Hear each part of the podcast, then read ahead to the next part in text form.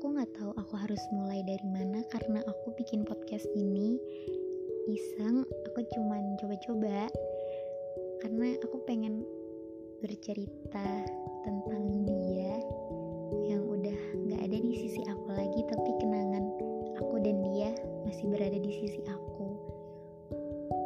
Aku juga bikin podcast ini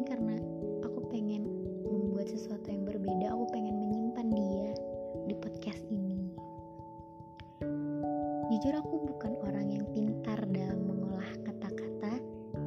Karena sebenarnya yang pintar mengolah kata-kata menjadi sebuah kalimat-kalimat indah itu dia.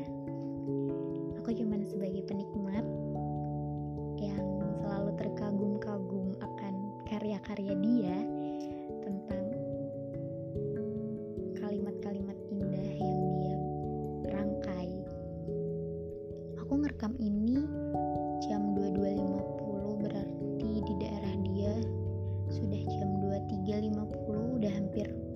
jam 12 malam tapi aku yakin dia belum beranjak tidur karena kebiasaan buruk dia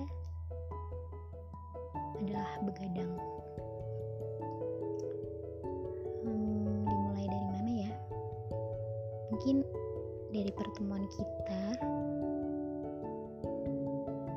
Pertemuan kita itu pertama kali cukup unik karena kita bertemu secara virtual mungkin di luar sana juga mengalami hal yang serupa seperti pertemuan kita.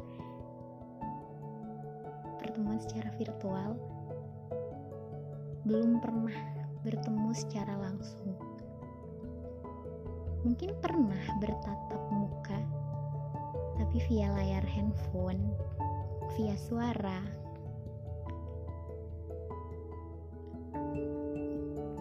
anehnya semesta bisa sebercanda itu.